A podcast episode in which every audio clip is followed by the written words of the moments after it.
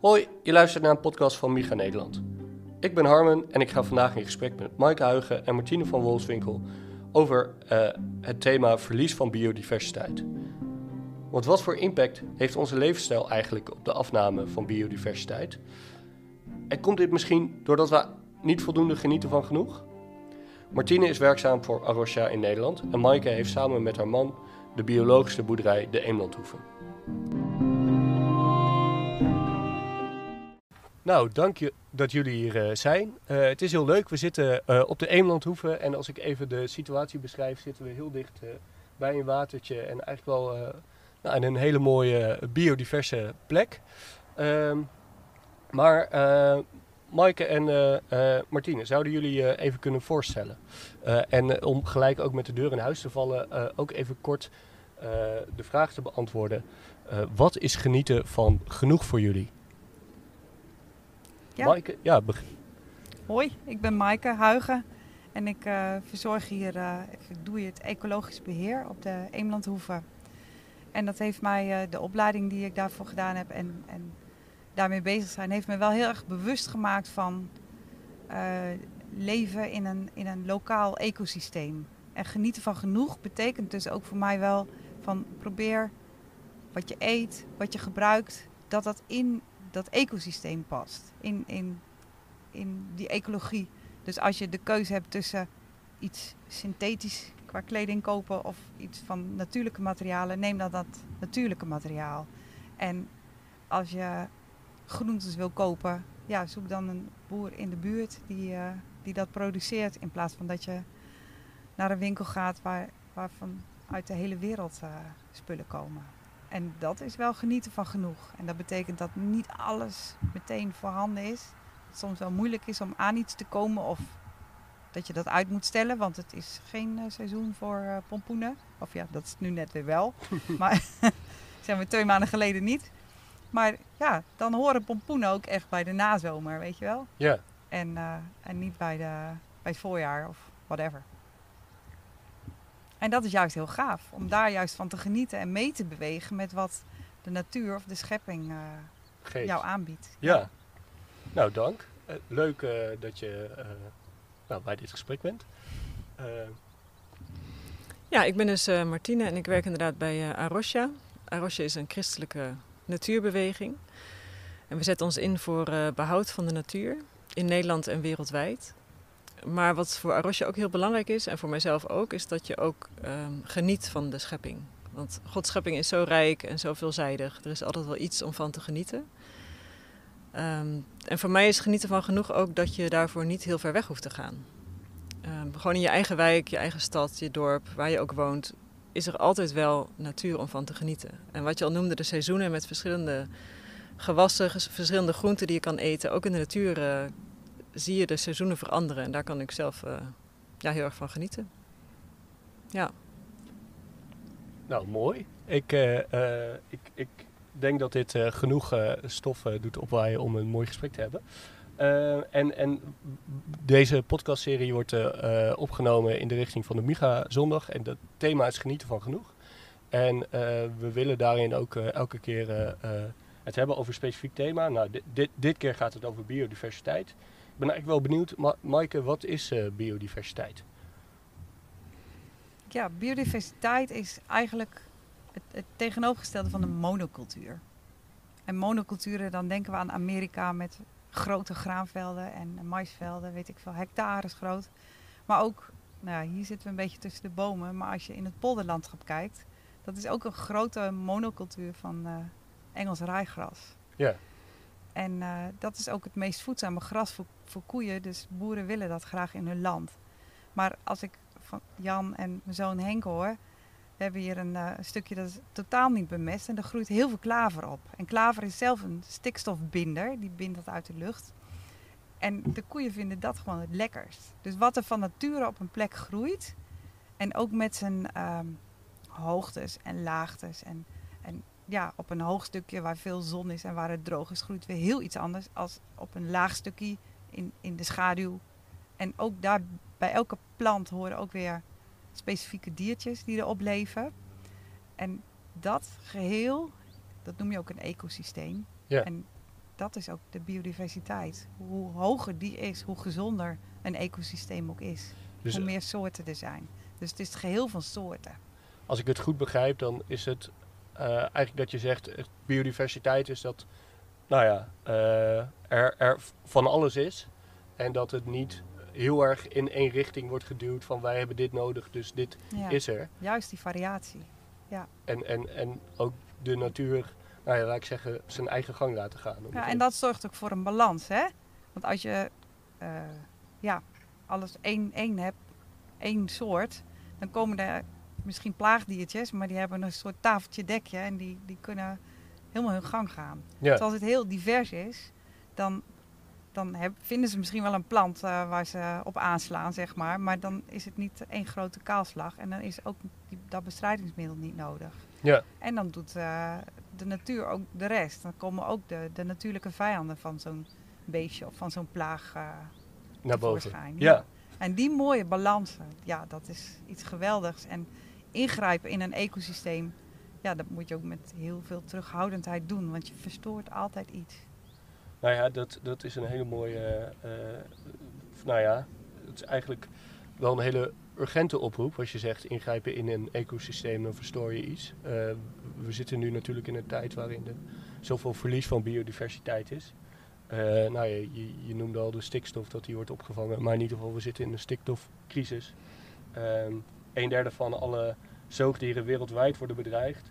Eh, veel insecten worden ook bedreigd met uitsterven. En eh, eh, ook in de zee, eh 33% van de koralen en riffen worden bedreigd. Ehm, ja, ik, ik, ik ben eigenlijk wel benieuwd. Wat, wat heeft onze nou ja, leefstijl, hoe wij nu op dit moment leven, wat voor impact heeft dat op de biodiversiteit en nou, de- in ja, Nederland? verschrikkelijk veel. Ja, je had het net al over de zee, maar ze schijnen nu op een heel grote diepte mangaanknollen te gaan oogsten. Ook, ja, geen idee wat dat voor effect heeft. Maar die- die zijn dan weer voor onze apparatuur, weet ik veel. En, en eh, dan denk ik van, hoe zijn we bezig, weet je wel? Dat we eigenlijk, eigenlijk op veel te grote voet leven. En niet met enige terughoudendheid nemen aan, aan voedsel en aan, aan spullen wat we nodig hebben. En dat ook eh, zo lang mogelijk proberen te gebruiken. Dat je, ja, er schijnen per jaar voor iedereen van de wereldbevolking tien nieuwe kledingstukken gemaakt te worden. Dus elke maand een nieuw kledingstuk. Dat is toch ook van de zotte. Ja, Van, de, van de, de mensen in, in de Rimboe, bij wijze van spreken, tot de mensen hier in het Westen. Wij zijn natuurlijk enorme grootverbruikers. Maar ja, dat gaat gewoon allemaal veel te ver. Omdat wat- je ook wat- heel lang je kleding kan veel langer leven kan geven door het weer te repareren of aan te passen aan eh, je eigen maat of whatever. En wa- wat voor impact zie jij eh, eh, nou in jouw leven als boerin op de biodiversiteit als je zo met de aarde omgaat? Nou, ik, ik merk dat ik probeer om echt te leven uit van zo dichtbij mogelijk. Zeg maar, mijn melk haal ik bij een tap bij een boer in Soest. En eh, groentes, eh, die groeien hier, Hier achter ons in de moestuin, ja. achter ons in de moestuin. En vlees gebruiken we ook, want wij hebben koeien die eh, vlees produceren. En maar daarvan probeer ik ook de minder courante delen te gebruiken en daar recepten bij te vinden. Een stoofpot van koeienhart te maken, lever te gebruiken. Dat, dat soort dingen ook. En, en wat als je dat niet doet? Wat als je op de traditionele manier, eh, nou ja, eet en drinkt? Wat, wat heeft dat voor impact? eh? Ja, eh, ik, ga zo ik ga steeds minder naar een supermarkt. ja, En in een supermarkt zie je vooral heel veel verpakking. Ik denk het product wat het meest gekocht wordt in de supermarkt is eigenlijk plastic. Want alles zit daarin. ja, En eh, eh, daar is heel veel sociaal leed. Ook als je duikt in de geschiedenis van producten die je daar koopt. Ja, dan is er heel veel pijn of onderbetaling, whatever, bij, bij mensen. ja. Maar ook dieren en planten, ecosystemen, wordt heel veel geweld aangedaan. En dat komt allemaal samen in zo'n supermarkt. Die, Ja, eh, ja, ja, ja.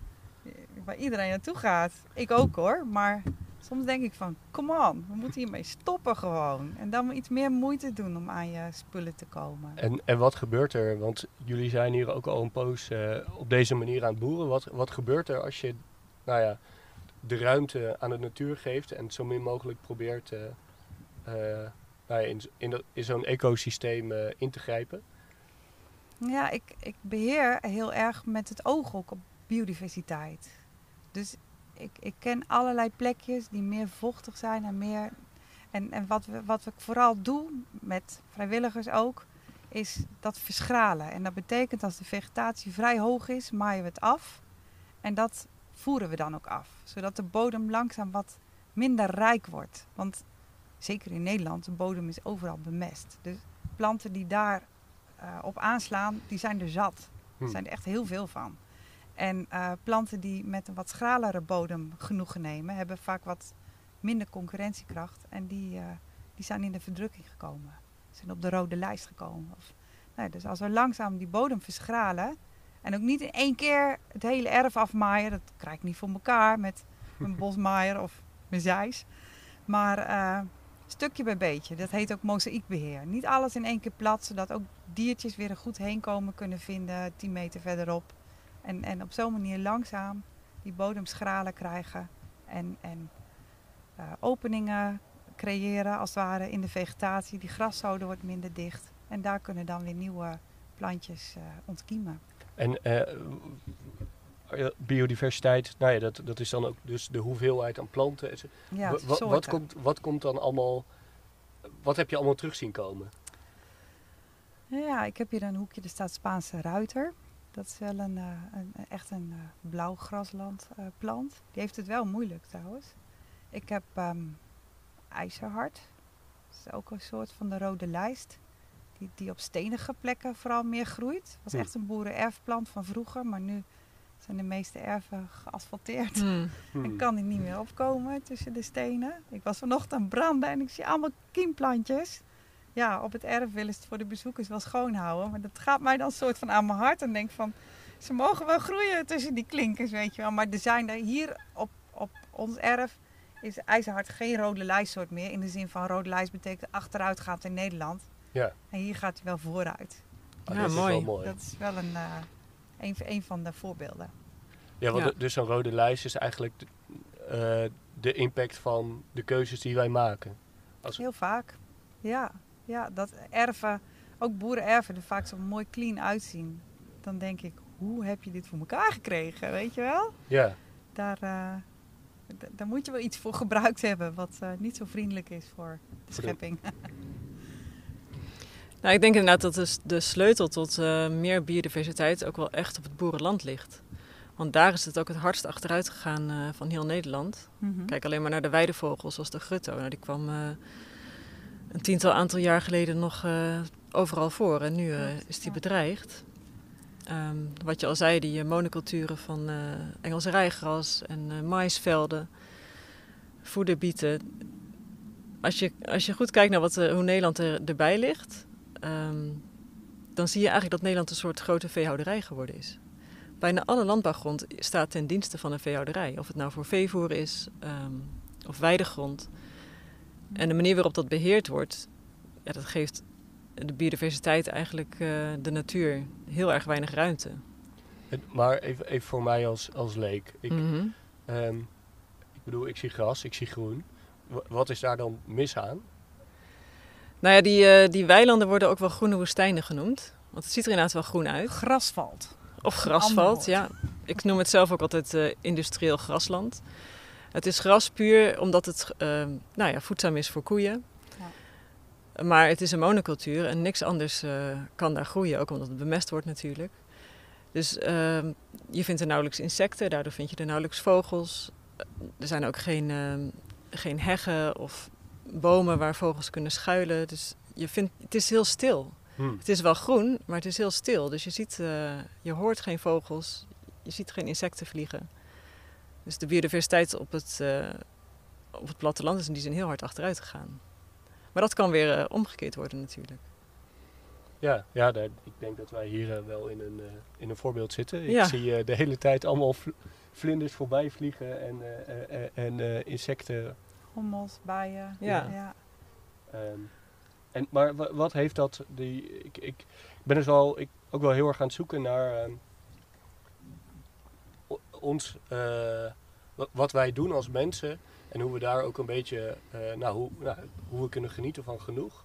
Eh, maar ik, soms zie ik de, de lijn niet helemaal met, met het, nou, het verlies van biodiversiteit, hoe je dat dan bijvoorbeeld wereldwijd kan trekken. Of ik, ik eh, ehm, denk dan, nou ja, maar goed, als je bijvoorbeeld minder vlees eet, maar dan hoor ik hier ondertussen, ja, er zitten wel vleeskoeien. Ik, ik, ik, ik zie die, die lijn niet heel erg. Oh, mag ik wat zeggen? Ja hoor.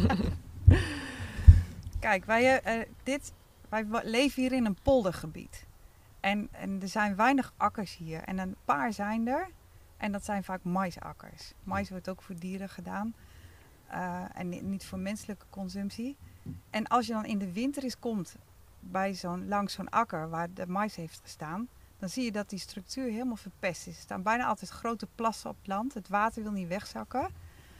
Dus dat is al wel een bewijs dat akkerbouw in zo'n gebied als dit is, is heel moeilijk. Dan, dan eh, in, in een veengebied vooral. Hè? Daar, daar verniel je de structuur. Veen klinkt in en dat komt nooit meer goed. Dat blijft altijd irreversibel, heette dat vroeger. Le- leerden we vroeger op school. Het klinkt in en dat wordt nooit meer terug in zijn oude vo- volume. Dus dat moet je eigenlijk met rust laten, niet ploegen. Niet... Dus dan is grasland een optie. En we Hmm. hebben dieren die dan het gras, wat voor mensen niet te verteren is, heel goed kunnen omzetten in iets, een mooi product dat voor mensen wel te verteren is. Dus eigenlijk, En dan kun je wel koeien houden, maar niet op een intensieve manier. Op een extensieve manier. Wij hebben weilanden waar de koeien grazen. Wij halen daar ook het gras van af voor de winter als de koeien op stal staan. Dus het is een soort van gesloten systeem. De mest gaat ook weer over het land. En we hoeven niets af te voeren en alleen wat stro voor in de stal aan te voeren. dit, dit klinkt eigenlijk als heel biodivers. Omdat je anders Ja. het land kapot maakt, zorg je wel dat er nou, in ieder geval Ja. leven kan zijn. Dus in die zin wil je iets, iets produceren in zo'n veengebied, dan is het vaak wel dat daar dieren eh, bij, bij te pas komen. Hm. En die passen dan ook in dat ecosysteem. Die zijn dat niet aan het eh, overbelasten of uit balans brengen, maar dat is dan wel oké. Ja, en, en ik, En dat betekent niet zo'n grote vleesconsumptie als dat de wereldbevolking nu doet. Maar één keer Ja, want jullie koeien worden ook eh, hier verkocht en geconsumeerd. Die zijn niet Ja. voor export of iets dergelijks. nee, nee. nee. absoluut niet. En ik denk als in heel Nederland op die manier eh, ehm, koeien werden gehouden, dat we dan als Nederlanders veel minder vlees zouden moeten eten. Ja, Want dan anders werd zou je het het een beetje vol. duurder, dat vlees. Ja. Ons vlees is ook een beetje duurder. Maar wij zeggen altijd ook van hou je budget wat je aan vlees besteedt nou ongeveer gelijk. Maar doe dan of iedere dag een heel klein beetje of een Of paar dagen in de week ja. alleen eh, wat vlees eten. ja, Maar de meeste, het meeste vlees wat in Nederland eh, wordt geproduceerd, of de meeste dieren die voor vlees eh, worden gehouden, die zijn voor de export. ja, Dus je kan je ook afvragen of dat is wat wij als Nederland willen. Dat we eigenlijk onze natuur ehm, opgeven of zo intensief ons land gebruiken dat er haast geen ruimte meer is voor natuur, omdat we zo graag vlees willen exporteren. Ja. Ik Plus denk- dat je heel veel mest hebt. ja, dan heb je hier zit je met het mestoverschot. Dus in die zin zijn het ook politieke keuzes. Dat er moet gekozen worden voor een landbouwsysteem ehm, wat meer lokaal gericht is. Wat niet zozeer eh, voor de export gaat. En waar meer ruimte is voor natuur. En als consument kan je dan denk ik kiezen voor producten van, van boeren die al daarvoor zelf hebben gekozen. Dus biologische producten, lokale producten, dat je weet waar het vandaan komt. En dat je ook weet dat op die plekken waar jouw groente of jouw vlees of wat dan ook eh, wordt geproduceerd, dat, het daar, dat er ook ruimte is voor natuur. want, want ik, ben, ik ben eigenlijk wel benieuwd. We, we hebben het hier over dus eigenlijk een gesloten eh, ecosysteem of, of cirkel. eh, en dat dat goed is. Martine, wat, wat heeft de impact eigenlijk wereldwijd dat we dat systeem nou ja, nu niet gesloten hebben? Wat heeft dat eh, nou ja, achter de voordeur? Dus niet eh, de, de weiland eh, eh, wa- waar we langs rijden, maar eh, nou ja, de Amazone of weet ik veel waar. hè. Nou ja, omdat we hier inderdaad zoveel dieren hebben in Nederland, die moeten allemaal eten. En dat eten kan niet allemaal in Nederland eh, worden verbouwd. Dus dat moet ergens vandaan komen. Ja. Torenvalk. Ja, mooi. Ehm, ja, dus dan, dan moet je voor, je voor, de, voor het vee hier moet je dan weer voedsel, voeding exporteren van buiten, vee voor exporteren. En daar wordt, ja, daar wordt ook weer land voor gebruikt. Land wat ook voor natuur gebruikt zou worden of voor lokale productie van mensen die daar wonen. Dus als je het hebt over de Amazone, de ontbossing daar. Ja, een grote aanjager daarvan is de veehouderij. Niet alleen in Nederland, maar wereldwijd. Maar dat hangt wel op die manier met elkaar samen. Ja, en de, ik kan me voorstellen dat als je een stuk Amazone kapt, dat dat wat meer verlies heeft dan eh, eh, dat je hier ergens een, eh, een weiland wat dingen neerzet. Nee, we hebben in Nederland gewoon niet genoeg land om Ja. al het vee wat we hebben van te voeden. Dus dan moet je, ja, dan moet je dat buiten Nederland zoeken. Ja. Dat heeft dan daar weer impact. Ja, Ja. En wat je zegt, is irreversibel, onomkeerbaar. Dat geldt zeker voor eh, tropisch regenwoud. Als je dat kapt, dan heeft het 500 jaar nodig om te herstellen. ja, Mhm. ja, bizar. Het, het is echt te gek voor woorden dat we dat de hele tijd blijven doen. En daarbij komt nog een keer dat eh, klimaatverandering natuurlijk eh, ook dit soort processen versterkt en verergert. Want door opwarming van de aarde en door eh, andere veranderingen in het klimaat komen ook allerlei diersoorten in het gedrang. Er zijn er bijvoorbeeld ook meer bosbranden, Ja, ehm, waar niet alleen bos bij vernietigd wordt, maar ook alle dieren en nou ja, allerlei andere soorten die daar voorkomen. ja ik, ik heb wel eh, verschrikkelijke filmpjes gezien in Ja. Australië met eh, eh, de kangoeroes die daar niet meer konden Ja, precies. Ja. Mhm, mhm. Dus alles wat je kan doen om eh, klimaatverandering tegen te gaan, draagt in die zin ook weer bij aan het tegengaan van eh, het verlies van biodiversiteit. Die twee dingen hangen echt heel nauw met elkaar samen. Ja, en, en, en wat voor impact heeft ehm, op de long run eh, het verlies van biodiversiteit? Wat als we gewoon zo rustig doorgaan? Eh, en dan niet zozeer op klimaatveranderingsgebied, maar nou ja, op het ja, verlies van biodiversiteit. Eh, ik denk eigenlijk drie dingen. Ehm, het eerste is sowieso dat het eh, gewoon echt heel verdrietig is als er soorten verdwijnen, als, als e- hele ecologische systemen instorten. Ehm, omdat het, het is allemaal Gods schepping en het is allemaal iets wat we elke dag kunnen ervaren en er enorm van kunnen genieten. En het gebeurt zo geleidelijk ook dat je het in zekere zin niet echt merkt. Hmm. En ik denk dat het soms ook goed is om met mensen van een oudere generatie te praten die je kunnen vertellen hoe het vroeger was om ehm, op het platteland rond te fietsen. Dat je dan vliegjes in je gezicht kreeg of tegen je autoruit. En dat het wemelde van de leeuwerikken ehm, of van de grutto's. En beetje bij beetje verdwijnt dat. Maar mensen die nu geboren worden, die kennen dat niet. Of mensen die nu tiener zijn. Dus ik denk, nou, dit is toch gewoon Nederland, dit is de natuur. En er zijn vogels, er zijn planten. Maar hoe het was, dat weet je niet meer. Dus dat is, dat is echt een verlies. En daar is ook een, een woord voor, landschapspijn. Dat je gewoon pijn kan doen. Daar heb ik zelf ook een beetje last van. Op vakantie of zo. We waren in, eh, in Drenthe in de zomer. Nou, prachtige, prachtige plek heb je daar.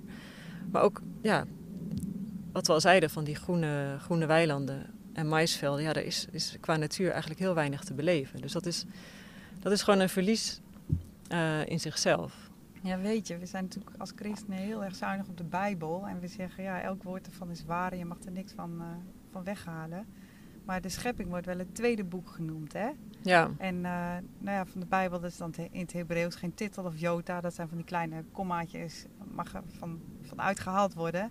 En, en ja, ik vind de soorten in de schepping, inderdaad, dat doet, doet mij ook heel erg pijn. Als die maar gewoon verdwijnen. En eh, je weet gewoon dan dat ze nooit meer terugkomen. Hmm. Ja. Want weg is weg. ja. Dus eh, ja, we moeten daar minstens even zuinig op zijn, denk ik. eh, als op, op de Bijbel zelf. Ja. ja, en behalve dat het een verlies is eh, voor mensen en een verlies van eh, de- de volheid van de schepping, is het ook. ehm, het is voor ons echt van levensbelang dat, er, dat, er, dat de ecosystemen op aarde werken. Ja, Want het is zo eh, precies uitgebalanceerd, zo optimaal eigenlijk, niet alleen voor het eh, niet-menselijk leven op aarde, maar ook voor de mens. We zijn er gewoon van afhankelijk. Van insecten voor bestuiving, van eh, het klimaat voor de gewassen die we elke dag eten. Dus als dat instort, ja, dan is het voor de mens ook, heeft dat hele grote gevolgen. ja. Ja, dat De is- schepping kan wel zonder de mens, maar wij kunnen niet zonder de schepping. Ja, Dan dat is eh, helemaal weg. waar. Ja. Ik had een als mooi de- insect op mijn arm. Als de bijen, oh wauw. Ik weet niet wat het is. Hm. Ja, zo'n soort gaasvlieg. Was het. Ja, ik, ik, ik, ik wilde eigenlijk ook, ook nou ja, ehm, de, de koppeling maken naar, eh, naar de, de Miga Zondag. En eh, eh, wat het voor jullie eh, betekent in jullie eh geloof, de, de rol van biodiversiteit en, eh, en überhaupt de, de schepping. Maar ik denk dat jullie daar ook al wel, eh, ja, Ja, voor mij is het heel belangrijk om gewoon elke dag te kunnen genieten van, van natuur. hm, En dat doe ik gewoon waar ik woon. En ik geniet ook heel erg van op vakantie gaan in Nederland en nieuwe gebieden te ontdekken. En te zien dat daar de natuur weer anders is dan aan de kust waar ik woon.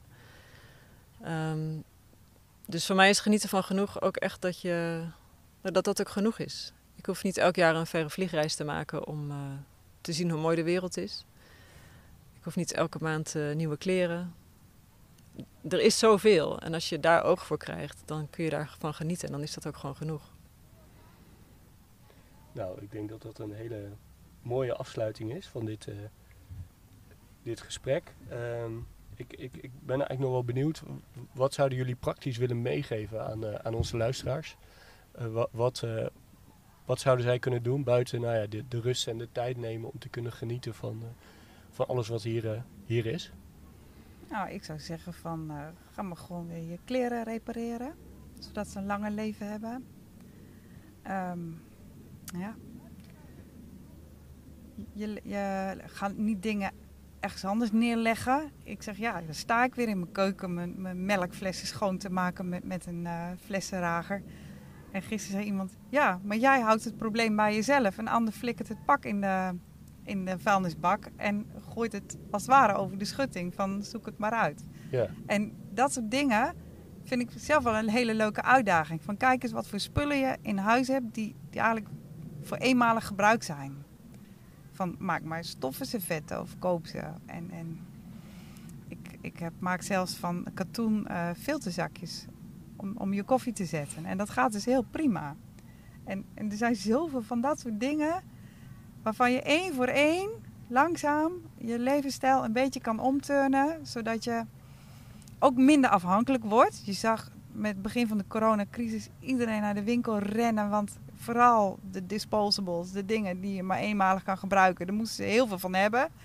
Maar ja, als je dat uitvindt, hoe je, hoe je daar langer iets, iets kan gebruiken, wat je uit kan wassen of wat je langer kan ge, meermalen kan gebruiken, dat is veel beter. Ja, en ik denk ook zeker eh, wat, wat ook eerder al ter sprake is gekomen. Let op wat je koopt in de su- supermarkt of daarbuiten. Want jouw voedsel wordt ergens geproduceerd door iemand. Ja. Ehm, en als je, hoe meer je hoe beter je weet door wie dat gebeurt en op welke manier, ehm, nou, dan kun je ook keuzes maken die, daar, eh, die daarbij passen. Dat je bewust kiest voor wat eerlijk en eh, duurzaam is geproduceerd. En tweedehands ook. Ja, Dat is ook een goede als je iets nodig hebt. Kijk eerst of je het zelf hebt thuis. Kijk dan of het tweedehands eh, is, eventueel. En als je het dan nieuw gaat kopen, ja, zoek dan ook iets wat aan het eind van zijn leven ook weer in de natuur opgenomen kan worden. Zeg maar, als het iets van hout is, is het dan altijd weer beter dan als het iets van kunststof is. Of, ja. En dat kost soms meer geld. En vliegen binnen Europa vind ik ook niet meer kunnen. Nee, nee, er is nu zo'n zo'n goed treinnetwerk. Ehm, Nou, nee, dat niet. maar eigenlijk komt het op neer, past het binnen een kringloop? Eh, Ja. Is het iets wat je gebruikt? Kan je, weet je waar het eindigt ehm, als je het weggooit? Ja. Ehm, waar komt je voedsel vandaan? Past dat binnen een kleine kringloop binnen Nederland of Europa? Of haal jij je voedsel van heel ver weg en weet je niet hoe het geproduceerd wordt of je wil het niet weten? Nee. Dat, die manier van denken, ec- ecologisch denken en denken in kringlopen, dat is echt denk ik aan de basis mooie. van... eh, En ik had het heel lang al wel met voedsel. En ik ben ook over, over kleding en textiel gaan nadenken, omdat wij ook schapen hebben lopen. oh ja, En die werden op een gegeven moment eh, geschoren. En dan ga je met die wol aan de gang, spinnen en vilten en zo. En dan denk je, oh, maar het geldt dus ook voor textiel. ja. ja. En het geldt ook nog eens een keer voor hout. En, en vroeger, die knotwilgen die hier staan, ja, dit is nu een leuk plaatje van het Nederlandse landschap. Maar vroeger maakten ze daar manden van en klompen en vlechtwerken als, als een soort beschoeiing voor de, voor de golven van het water en zo. Dus het was een soort van nature, werd het allemaal gebruikt. Es, essen hadden ze ook knotessen. Maar waarom? Niet voor de sier, maar dat is mooi, mooi taai hout voor gereedschapsdelen. Ja, En nu rennen we altijd maar weer naar de winkel als we iets nodig hebben. Terwijl het is veel arbeidsintensiever, maar het, is ook, het voelt wel veel kostbaarder. Als ik Ja. een, iets gevild heb, een hoed of een tas of iets, dat is een kostbare, meer kostbare tas voor mij als eentje die ik eh, ergens eh, een paar euro voor, voor een, op een toonbank heb gegooid, zeg maar. Ja. Omdat er inspanning in zit en je, en je kent het verhaal. ja. ik denk, ik, ik vind het ook wel heel bijzonder de, de, het idee dat je zegt, sta stil bij alle dingen die je weggooit, zoals zo'n koffiefilter. Dat zijn dingen die je zo gemakkelijk, of ja, daar ben ik gewoon mee opgegroeid. Dat doe je gewoon. Ik, ik sta daar, Ja, het is ook niet het ergste ding, want het is ook papier en recycle. Maar het is toch weer, ja, er- er is een fabriek voor ergens die machines heeft, die grondstoffen gebruikt, ja, die verpakkingen heeft. Dat moet ook allemaal weer vervoerd worden naar alle supermarkten in Nederland. En als iedereen gewoon van een oud laken een filtertje maakt, ja, dan eh, heb je dat allemaal niet meer nodig. Klaar. Twee of drie kan ook. Dan heb je nog eentje voor in de was, weet je wel. Maar afspoelen is eigenlijk genoeg bij een koffiefilter. Dus, eh, nou ja, dat. ja, ja, nee, ik, ik, ik Het vind is het echt wel... heel leuk. Dan Ja. voel je je heel stoer door. Dan denk je van, iedereen raakt in paniek als je niet meer naar de winkel kan. Maar oh, ik red het wel, weet je. Dat ook. Het is ook. Dat is ook wel een soort van genieten. Dat je denkt van, ik ben weerbaar. Ik Ja, kan het redden, ook al zou eh, zo'n fabriek ermee uitscheiden. Of, ja, Nou ja, in die zin zijn we wel allemaal veel afhankelijker geworden. We denken dat we allemaal heel onafhankelijke mensen zijn. forget it. Maar we zijn ontzettend Ja. afhankelijk van alles wat, eh, nou ja, wat er in de winkels en in de supermarkten ligt. Ja, zeker Ja. weten. Ja, we raken echt in paniek als die dicht zou eh, gaan. Of, of iets in dat systeem mis zou lopen, zeg Ja. maar. ja en, dit, en die afhankelijkheid, of het idee van onafhankelijkheid, terwijl we dus best wel afhankelijk zijn. En we eigenlijk, als ik dit nu zo hoor, dan, dan heb je gewoon best wel een grote blinde vlek als normale consument. Je hebt helemaal niet door wat er eigenlijk achter je, achter je eten gebeurt, wat er achter je... En je hebt het idee, nou ja, we, we- ach, als het er niet is, dan koop ik het wel. Eh, Ja. Terwijl er zo'n zo'n wereld achterweg gaat. ehm, die ook nog zo'n impact heeft op de En die ook leefwereld. kwetsbaar is. Die Ja. ook kwetsbaar als het vervoerssysteem in, inzakt. Of het digitale, zeg maar, internet houdt ermee op. Op een of andere belachelijke manier. Ja, Ja, dan kun je geen geld meer pinnen. Dan, kun je, dan gaat van alles mis hoor. Reken Ja. maar. Ja. Dus, Maar ik vind het ook wel mooi om te zien dat mensen daar wel zich steeds meer van bewust worden. Ook als het, ge- als het gaat om, eh, om voedsel. ja. mhm. Dat eh, steeds meer mensen het ook van dichtbij willen halen. Weten waar het vandaan, eh, Ja. willen weten waar het vandaan komt. Ja, dat is, dat is ook zo. ja, Dus- steeds meer mensen ook, ook, ook flexitarisch gaan eten. Daar, Ja. daar wel bewuster ook eh, mee Ja. omgaan. Ja. Ehm,